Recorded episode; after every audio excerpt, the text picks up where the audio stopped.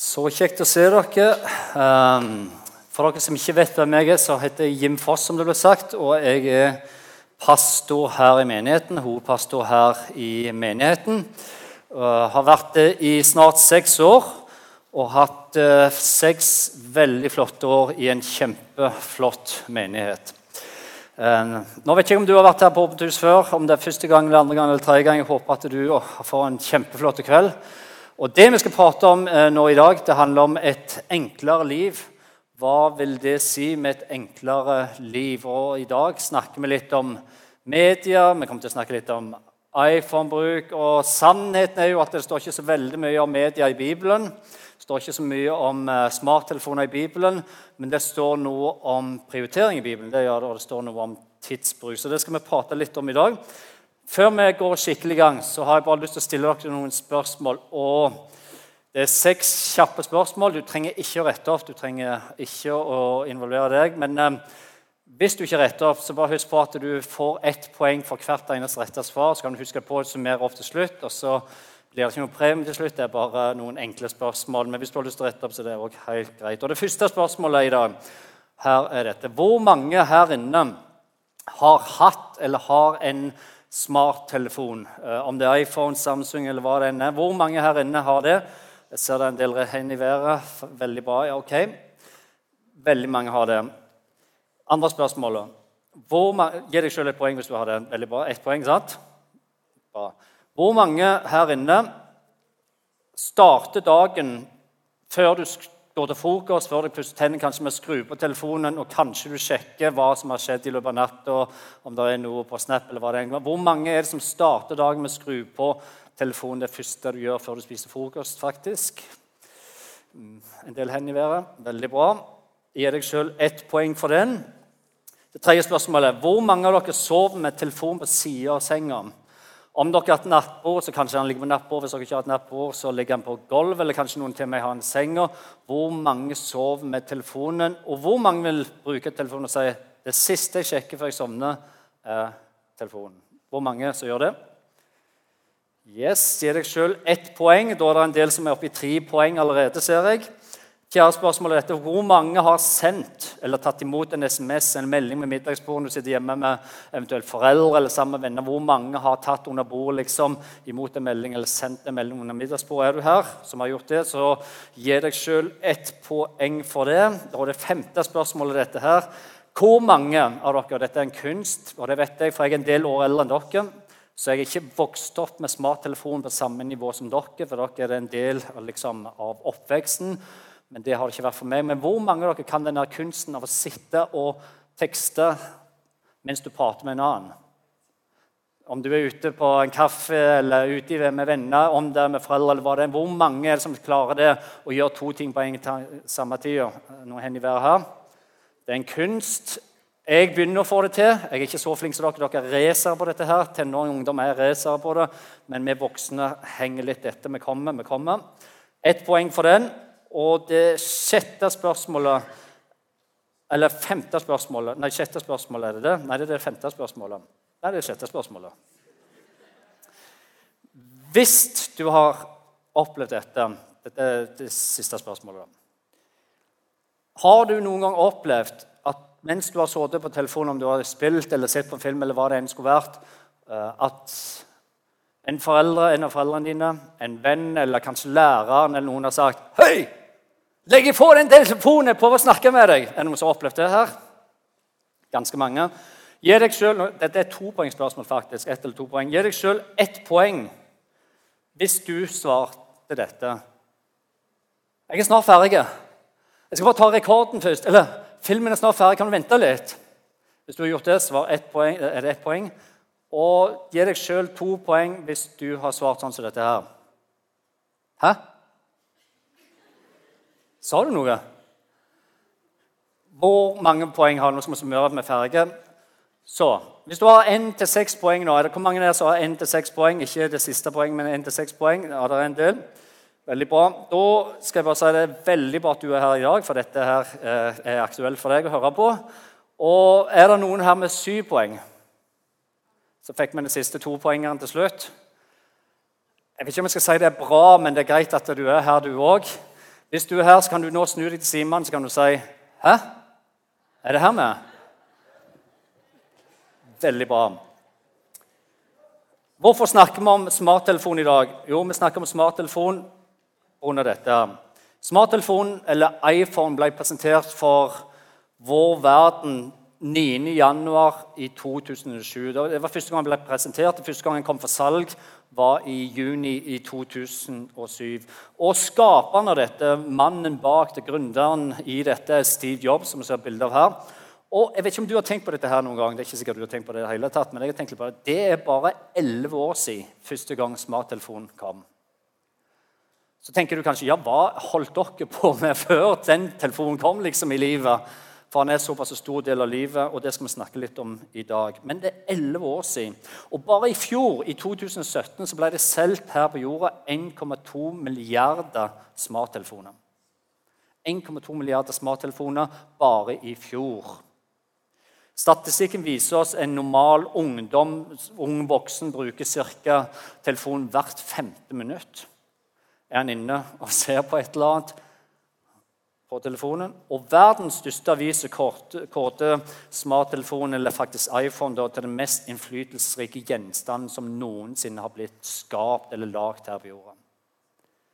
De største avisene kårte iPhone til den mest innflytelsesrike gjenstanden. Og Grunnen til det er sikkert at han er liten, han er veldig tilgjengelig, han er lett å få med så Du kan stappe liksom lommene overalt der du er, så kan du ta den opp og sjekke osv. Og Grunnen til at han er så tilgjengelig, og det vi gjør da, er at vi lar oss underholde av han. Altså Vi ser klipp på YouTube, vi er inne på Snap, vi sender litt eh, meldinger til hverandre. Om det er TV eller fotball, som jeg ser mye på. Jeg ser kamper. med Liverpool. Vi har musikk, vi spiller spill der. Vi sender filmer av hverandre, bilder, og vi sjekker sosiale medier. Og de eldre sjekker været ganske mye på han. Um, og greia dette her og Dette er litt sånn poeng med Steve Jobs. Da, for Han er gründeren, var han som skapte dette her greiene som har vokst på seg. Det bare eksploderer. Boom!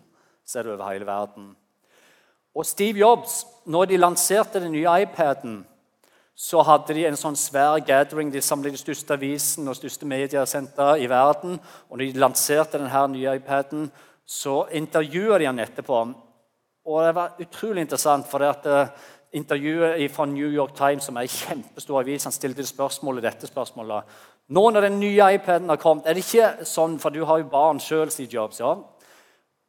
Elsker ikke bare, bare deg den der iPaden. Han er jo helt fantastisk, den iPaden med den tilgjengeligheten. Og svaret Steve Jobs ga de, overrasker alle i rommet. Det ble helt stille i rommet når han svarte på det spørsmålet. For det han sa, var dette her. Nei, mine barn de har ikke prøvd iPad.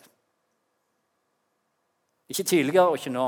Og Grunnen til det er fra hjemme hos oss setter vi grenser for hvor mye teknikk og teknologi våre barn får bruke hjemme.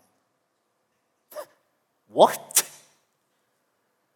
tenker jeg. Skaperen av iPhone, skaperen av iPad, han som vet mest om dette og grunner det fram og har mest på en måte forståelse av hva dette handler om, sier nei, når det kommer til mine egne barn, så setter jeg grenser de får faktisk ikke bruke iPad hjemme. Og Grunnen til Steve Jobs svarer på det, kommer med en oppfølgingsspørsmål. Hvorfor gjør du det? Jo, fordi vi fullt ut ikke forstår hvilken konsekvens det har for barn og unge med stort mediebruk. Vi vet noe, men vi vet ikke alt. For det kunne ha vært i bruk i elleve år, så vet vi ikke konsekvensene. Derfor begrenser de. Og hvorfor gjør jeg det? sier Steve Fordi jeg er glad i dem derfor. Interessant. Skaperen av dette sier det. Sean Parker, som var den første presidenten i Facebook, han har tjent seg søkkrik på sosiale medier. Han valgte selv å skrive i en rapport dette. Gud, bare Gud vet hva dette vil gjøre med barn og tenårings hjerne. Og det var presidenten i Facebook som var med lanserte Facebook første gang. Og Bill Gates, som i en årrekke har blitt kåret blant de verdens rikeste personer, han tillot ikke sine tre barn faktisk å få smarttelefon før de var 14 år gamle. Fordi det han visste, var at dette påvirkningen av dette kom til å ta noe fra livet deres. Og til mer du bruker dette, til mindre får du av det andre i livet. Det var Bill Gates. I 2006, året før, altså for tolv år siden, da denne telefonen ble lansert for første gang, så var det hjemlige bruk for en ungdom på deres alder på Internett og media var ca. 1 12 time til dagen. Det er statistikker som viser dette. her. Nå i fjor så var det vanligste gjennomsnittet her i Norge for ungdommer på deres alder, tenåringer på deres alder, ca. fire timer mediebruk til dagen. Fire timer til dagen. Hvis vi da skulle ganget det veldig veldig kjapt opp, så blir det hvis du ganger det med 7, så blir det i løpet av en uke 28 timer i uka. Hvis du ganger det opp hvor mange timer det blir i år, så blir det 1456, 1456 timer i året, som igjen blir 60 døgn i året. Både natt og dag da Tommy, sånn 24 timer. 60 døgn i år går til mediebruk. Hvis du da skulle gange det opp med ca. 60 år, sier dere skal vel 60 år, det er bra. Altså, du, man kunne godt ganget med 70, men si du blir 60 år. Jeg håper du blir eh, eldre enn det. Men fra den første gang du fikk iPhone, eller hva det skulle være, 60 år etter det, Hvis du ganger det opp med 60 år med fire timer gjennomsnittlig bruk, så blir det 3600 døgn i løpet av ditt liv kommer til å bruke på media, som igjen tilsvarer 9,8 år. Ti år av ditt liv bruker du på media hvis du bruker sånn cirka gjennomsnittlig fire timer på smarttelefon eller hva det skulle være. Når min mor vokste opp og min far vokste opp, eller mamma og pappa, som jeg sier her, ehm, så hadde de ikke noe av dette. Og når jeg også vokste opp, så var det ikke vanlig med smarttelefon i det hele tatt. Faktisk så fantes det ikke sånne mobiltelefoner nesten i det hele tatt når jeg vokste opp. Men eh, greia når mamma og pappa vokste opp, så var det ingenting sånn. Det var ikke Internett, det var ingenting sånn greier så det. Um, og greia er at De hadde en sånn enkel uh, 24-timerstabell, sånn cirka sånn så det ut. Der de hadde åtte timer med søvn sånn cirka, når de uh, var på bad og de stilte seg. De hadde to timer med mat, altså der de forberedte maten, frokost, kvelds og middag. Og dette her. Og så spiste de sammen og snakket de sammen. Og så hadde de middager, de hadde kvelds. De reiste til fra jobb med transport. De kjørte og henta barn. De jobba. De stelte huset, og de hadde lekser som gjøres hjemme med barna. og Jobben skulle gjøres hjemme. De hadde pause med kaffe, de leste aviser. Eh, så TV, gikk en tur og hadde sosialt med noen venner. sånn cirka. Dette er en veldig enkel 24-timerstabell, men sånn så den ut. sånn cirka. Og greia dette her, Det er jo veldig vanlig for oss òg, for vi har jo det samme. Vi har behov for søvn, vi har behov for mat, vi har behov for transport, vi har behov for jobb, skole, eventuelt um, husarbeid, lekser osv. osv. Greia er dette her at for elleve år siden så kom Nå skjer det noe her. Bare trykk et bilde videre. Denne her. Og det denne her eh, greier å gjøre, det er at eh, han sier ja, jeg ser du har 24 timer. Eh, og så ønsker den òg ha tida di. Så det den mer eller mindre gjør, da, er at jeg bare sier til gjennomsnittet Ikke skal du bruke to timer en gang på telefonen, jeg vet ingenting, men sier gjennomsnittet fire timer det er det som er gjennomsnitt for ungdommer på deres alder i dag. Så ønsker den å ha fire timer inn i ditt liv hver eneste dag. sånn cirka. Og Hvordan gjør den det, eller hvordan er det vi praktiserer dette i livet vårt? Jo, det er det at vi legger den inn nesten i alle ting vi gjør. legger Vi det inn. Vi legger det inn når vi er på skole, kanskje, eller når vi sitter med middagsbordet, når vi gjør lekser, eh, når vi skal legge oss osv. De spørsmålene dere svarte på tidligere inni her. Og Noe av utfordringen med det, da, som en Steve Jobs faktisk påpekte, en grunn til at jeg ikke gir mine barn dette, er de at når vi er stadig innom media, når vi er stadig inne og sjekker, når vi stadig oppdaterer oss sjøl på hva som skjer rundt oss, så stjeler det noe ifra oss. Og Det det stjeler fra oss, som vi skal prate om i dag, som jeg er faktisk i gang med, er det det stjeler fra oss en form for hvile. Når tid skal hjernen hvile, når tid skal ånden vår hvile, når tid skal sjelen vår og legemet vårt hvile. Um, så det den gjør, han presser seg inn og deler opp dagen slik at vi mister hvilen. I Bibelen og Lukas evangelium så står det ikke noe om smarttelefonen, men det står noe i Lukas evangelium 10 om og faktisk ha tid til hvile. Og det står noe om å prioritere noe framfor noe annet. Altså Du må eh, kanskje si nei til noe for faktisk kunne si ja til noe annet. Sant? Sånn er det med alle ting. Hvis du, jeg har trent fotball i mange år og spilt aktiv fotball i mange år. Da måtte jeg si vet du hva, jeg kan faktisk ikke være med på det med dere, for jeg er nødt til å trene. Eller når du er med i lovsangsband her, så må det en øvelse til. Du er nødt til å si nei til noe annet for å faktisk få til å si ja til det. Og Sånn er det med smarttelefonen, og det det, det Lukas 10 viser. Så er det Jesus han kommer på besøk til to søstre. og Det står om ei som heter Martha, og så står det om ei som heter Maria her. Og Disse to søstrene herrene, de håndterer den situasjonen en dag veldig forskjellig. For Det står at Jesus han kommer på besøk, og han banker på, han kommer inn og han setter seg ned i stua. Og det første Maria gjør, Maria, sånn, hun velger å sette seg ned med Jesus. Fordi det hun tenker nå vil jeg bruke tid sammen med Jesus. Jesus kommer på besøk, jeg bruker tid sammen med han. han jeg lærer av han, han får prate til meg, og jeg lytter til han, og så prater jeg tilbake. Han vil bruke tid. Martha derimot, hun var på en helt annen plass. For Det står om Martha at hun hadde det så utrolig travelt med alt som skulle stilles i stand. Så Hun holdt på kanskje ute på kjøkkenet og lagde kaffe og kaker der det var, det var, og stelte og stelte og stelte i stand, så hun hadde ikke tid å sette seg ned med Jesus. Og Hva er poenget her? Anna? Poenget mitt er dette her. Har vi det sånn som Martha i livet, eller har vi det sånn som Maria? Har vi det så travelt legger vi så utrolig mye tid inn i all den tida vi allerede har med mediebruk osv., at vi faktisk ikke har tid å sette oss ned i stillhet sammen med Gud. Fordi du må faktisk si nei til noe for å kunne si ja til noe annet. Spørsmålet er dette, og det lander til det for Marte Marie. Hva er det viktigste? Hva er det viktigste? For når jeg leser den historien, så tenker jeg veldig få som tenker sånn Martha! Hvordan er det mulig? Hva er det du holder på med? Du er helt blåst. Her kommer Jesus på besøk. Og så setter han seg ned i stua.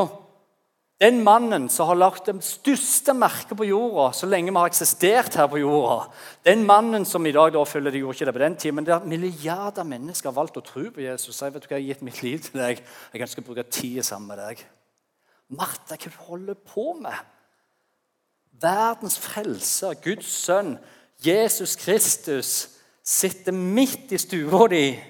Og du står ca. ti meter unna, og så har du så travelt at du faktisk ikke har tid å sette deg ned med Han som kan frelse deg, som kan gi deg et nytt liv, som ønsker å gi deg en evighet i gave. Men jeg har ikke tid til Han. Fordi jeg er så travelt opptatt med å stelle i stand masse, masse ting. Og jeg bare tenker Er det mulig? Jeg hadde aldri gjort det. Eller hadde jeg det? Ja, jeg er jo pastor her i menigheten, så jeg burde i hvert fall vært sånn som Maria, som sitter med Jesus og Men sannheten er at jeg er sykt mye sånn som Martha. Jeg. Fordi jeg har det så utrolig travelt. Det er så utrolig mange ting som må gjøres. Og så er det jo litt gøy å følge med, da. Og så er det sykt gøy å få venner og svare og legge ut og holde meg oppdatert sånn cirka hele tida. Spørsmålet er hvilken pris betaler jeg for det, liksom? Og jeg er tross alt pastor. Og jeg som pastor er nødt til å si nei til noe den tida her ønsker jeg ikke at det skal bli forstyrra, så jeg legger vekk dette faktisk nå. For jeg ønsker å gi den tida her til deg, Gud. Og Hvis ikke jeg velger å si nei til noe bevisst gjør en handling, så vil til meg som pastor bli dratt med i og få masse røde streker inn i livet mitt hver eneste dag. I Bibelen i Salme 37 så står det dette. Vær stille for Herren og vent på Han. Vær stille for Herren og vent på Han. Og Hva betyr det å være stille for Herren? Jo, det betyr det skru av det som er rundt deg. Sett av tid, sånn som Maria gjorde. Finn ei tid på dagen Der du bare sier vet du hva, disse minuttene her ønsker jeg å gi til deg, Gud. Som Maria så ønsker jeg å sitte stille. Og jeg ønsker å være sammen med deg og vente på deg. Hvorfor gjør jeg det? Jo, fordi du er viktig for meg, Jesus. Du er viktig for meg. Derfor sier jeg nei til noe for å kunne si ja til noe annet. Når Jesus døde dør på korset, så handler det om at Gud elsker så høyt. Johannes 3, 16 er ganske kjent. Det er faktisk kanskje det mest kjente bibelverset som står i Bibelen. Og det sier dette. For så høyt elsker Gud Hvem var det Gud elsker? For så høyt elsker Gud verden, står det. Han elsker verden. Og hvem er verden? Er det de kristne, da?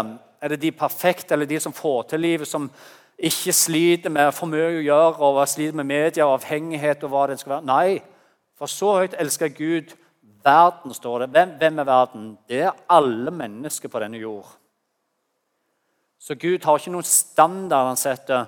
Du må være så flink, du må ha så mye tid med deg, så mye stilletid, eller kunne sånn og sånn. og sånn. Nei, ikke det han sier alle mennesker, uansett hvor du kommer fra, hva du har gjort. Alle mennesker. For så høyt elsker Gud alle mennesker at han ga sin sønn den eneste for hver den som tror på han ikke skal få tapt, men leve evig. Og Hva var det Gud gjorde med kjærlighetens vei? Jo, Han ga sin sønn til deg og til meg. Og så spigra vi mennesker han opp på et kors. For det var det vi gjorde. Men det var Guds plan at Jesus måtte dø for oss. Og i det Jesus dør, dette, her, dette vet vi jo ganske godt, sant? at Jesus dør på korset for våre synder, sant? for vår skam. Men kanskje du ikke har tenkt så mye på dette her. At idet Jesus dør på korset og han legger meg utstrakte armer sånn, så stiger Gud ned fra himmelen, og så står han samtidig der når Jesus dør. Så står Gud nå for første gang med utstrakte armer, og så sier han nå kan du komme til meg. Så Jesus død på korset det er utstrakte armer som var gjennombåret for vår synd. Og det er samtidig at Gud står med utstrakte armer og sier, 'Kom til meg'. Jeg elsker deg og ønsker bare det beste for ditt liv. Bruk tid sammen med meg. Sett deg ned. Si nei til noe, sånn at jeg kan få vise hvem jeg virkelig er for deg. Det symboliserer også korset. Og Så skal vi slutte med dette her.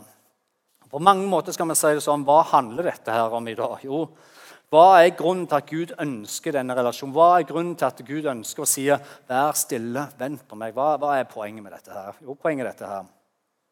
Ja, hvis jeg og Daniel Hvis meg og Daniel som sitter her nede, kan du reise deg, Daniel, bare sånn at de får se deg. Hvis meg og Daniel hadde vært kjempegode venner da kunne Daniel sagt ganske mye om meg til dere fordi han visste mye om meg. sant? Og Mosa, Hvis jeg bruker masse tid sammen med Daniel, hva skjer med oss da? Da blir vi bedre og bedre og bedre kjent med hverandre. Vår kjennskaps, Kjennskapen vår øker til hverandre. Den blir høyere og høyere. og høyere. Og hva skjer når kjennskapen øker? Tusen takk, Daniel. Hva skjer når kjennskapen øker til hverandre? Jo, da får vi større tillit til hverandre. Det er helt naturlig. det der. Vi får større tillit til hverandre, jeg får større tillit til Daniel. Og hva skjer når du får større tillit til, til en annen person? Når du blir bedre kjent med han, så får jeg større tillit til han. Og hva skjer da? Ja, Da overgir jeg meg. Da stoler jeg på han. Jeg lar meg ikke stole på den personen, og hvis den trenger meg, den personen, hvis Daniel trenger meg, så gir jeg meg sjøl til han. Ja, selvsagt skal jeg være med og hjelpe deg, Daniel. Og motsatt Daniel. Det er det som handler om kjennskap, som fører til tillit og her er en stor nøkkel i det å tro på Jesus Kristus, som vi aldri mister. Og det er dette her. Fordi til mer du blir kjent med Gud, til mer tid du setter av med til mer tillit får du til Gud. Og hva skjer med oss mennesker når vi får større tillit til hverandre over til Gud? Vi får en større overgivelse til Gud. Jeg ønsker å gi mitt liv til deg. Det er ikke bare noe jeg synger, det er ikke bare noe jeg sier, men det er det jeg faktisk gjør. Bruk meg. Og hva skjer da? Da kommer du inn i en fase av oppdagelse, eller det vi kristne kaller for åpenbaring. Da får du se Wow! Er det sånn du er, Gud? Og jeg har alltid tenkt at du bare var sånn. Til større kjennskap, til større tillit, til større overgivelse, til større oppdagelse. En utfordring for dere og for oss mennesker. at vi ønsker i grunnen ikke så mye tillit. Og vi ønsker i hvert fall ikke for mye overgivelse. La meg heller leve som jeg vil sjøl. Utfordringen da at vi faktisk ikke oppdager så mye av Gud. For Gud, dette er Guds vei. Vet du hva vi ønsker? Og vår generasjon og media lærer oss veldig mye i dag. La oss heller oppdage først hverandre. Seks. Vi trenger ikke bli så kjent med hverandre. La oss hoppe over tillit, forpliktelse og overgivelse. La oss heller hoppe rett til oppdagelsen. Det er sånn det er i dag. Guds vei er ikke sånn. For med Gud så fins det et gjensidig forpliktelseforhold. Stol på meg, sier han. Vær ikke redd. 366 ganger står det i Bibelen dette. Vær ikke redd. Hvorfor står det 366 ganger? Jo, fordi en for hver eneste dag. Vær ikke redd. Pluss en for skuddår. Vær ikke redd. Kom til meg. Bli kjent med meg. La oss bygge en tillit til sammen. Overgi deg til meg, fordi jeg ønsker bare det beste. Og så skal du få oppdage og erfare. Og Det var det disiplene gjorde til Jesus. Tre år gikk de med og de oppdaget meg. Er det sånn det er? det sånn det er? Og så plutselig så sto de der sjøl, og så fikk de lov å gjøre de samme tingene som Jesus gjorde. Og jeg vet ikke hva du tenker med dem. Det syns jeg er sykt spennende liv. Fantastisk liv. Og det er sant, og det er et godt liv. Så helt, helt, helt, helt til slutt, for nå har dere vært kjempeflinke. Men har det noe med dette å gjøre? Jeg sier ikke at du skal gå og hive den i do. Det bør du ikke. Det er ikke smart å gjøre. sant? Jeg sier heller ikke at du ikke skal bruke den. Men jeg sier tenk litt over hvor viktig er det i grunnen når du mister det, kanskje det viktigste. Hvor mye tid skal jeg i grunnen prioritere å bruke på denne når det er noe annet som er så viktig? Og Kanskje det er vi forskjellige. Noen liker å lese Bibelen. Noen liker å gå i naturen og be. Noen liker å ha headset på og høre musikk og bare synge til Gud. Du finner din vei og din måte. Men våg å sette av noen minutter kanskje til dagen. Bli bedre kjent med Gud. Få en større tillit til Han. Overgi livet ditt. Stol på Han, så skal du se hvem Han virkelig er. Amen.